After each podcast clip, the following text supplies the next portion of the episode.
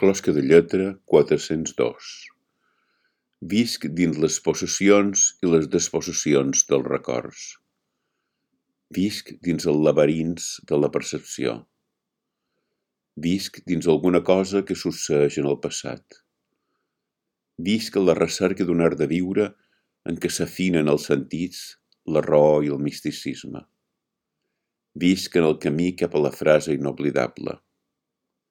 L'hora foscant d'aquest dia plujós, bellíssim per aquesta brusquina necessària, sobretot, té la claror deserta d'un llenç de pantalla o d'un paper buit on tot és possible. La negror tènue és el present de la pluja.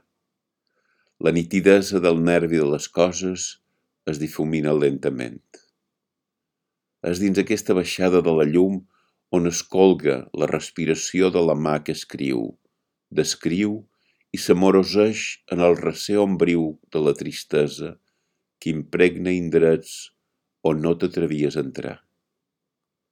Voldria multiplicar els interludis, les obertures, les pauses, els silencis.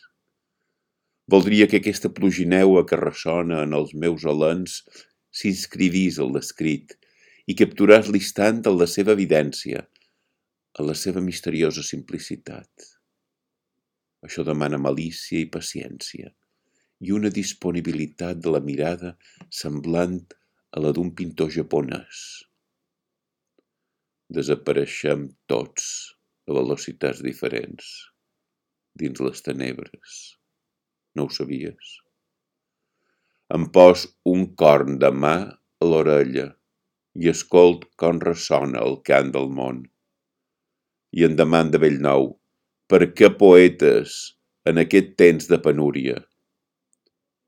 Perquè encara que el poema no té la tirada d'un bon film, la suggestió d'una novel·la engrescadora o la vibració llampant d'una pintura, segur que si heu llegit o escoltat algun poemes, el poema de Nadal o les gloses i cançons de les festes populars, tant se val, en la vostra vida, la memòria us estotgi el record d'aquella música d'un mot salats. I en l'essència d'aquests instants recordats, en el perfum d'aquella rítmica verbal intuïda, segurament podreu sentir i viure un paisatge singular i únic, una sensació més vertadera i transparent que qualsevol rutina quotidiana, la capsa de música d'un temps perdut. Aquí hi ha la força secreta de la poesia, la poesia és un punt de mira per veure el món, el descobriment sobtat, la revelació nova de trinca.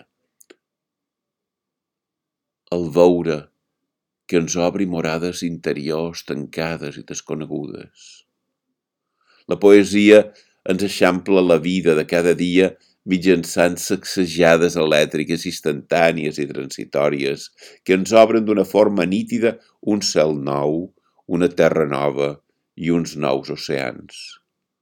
La poesia ens desperta, ens descobreix horitzons, ens enfoca la confusió del viure de cada dia perquè puguem trobar i enfocar presències invisibles que no havíem imaginat mai tenir tan a prop. Angles de visió fecuns, concisions exactes, l'espectacle de la bellesa i del dolor humà en el món.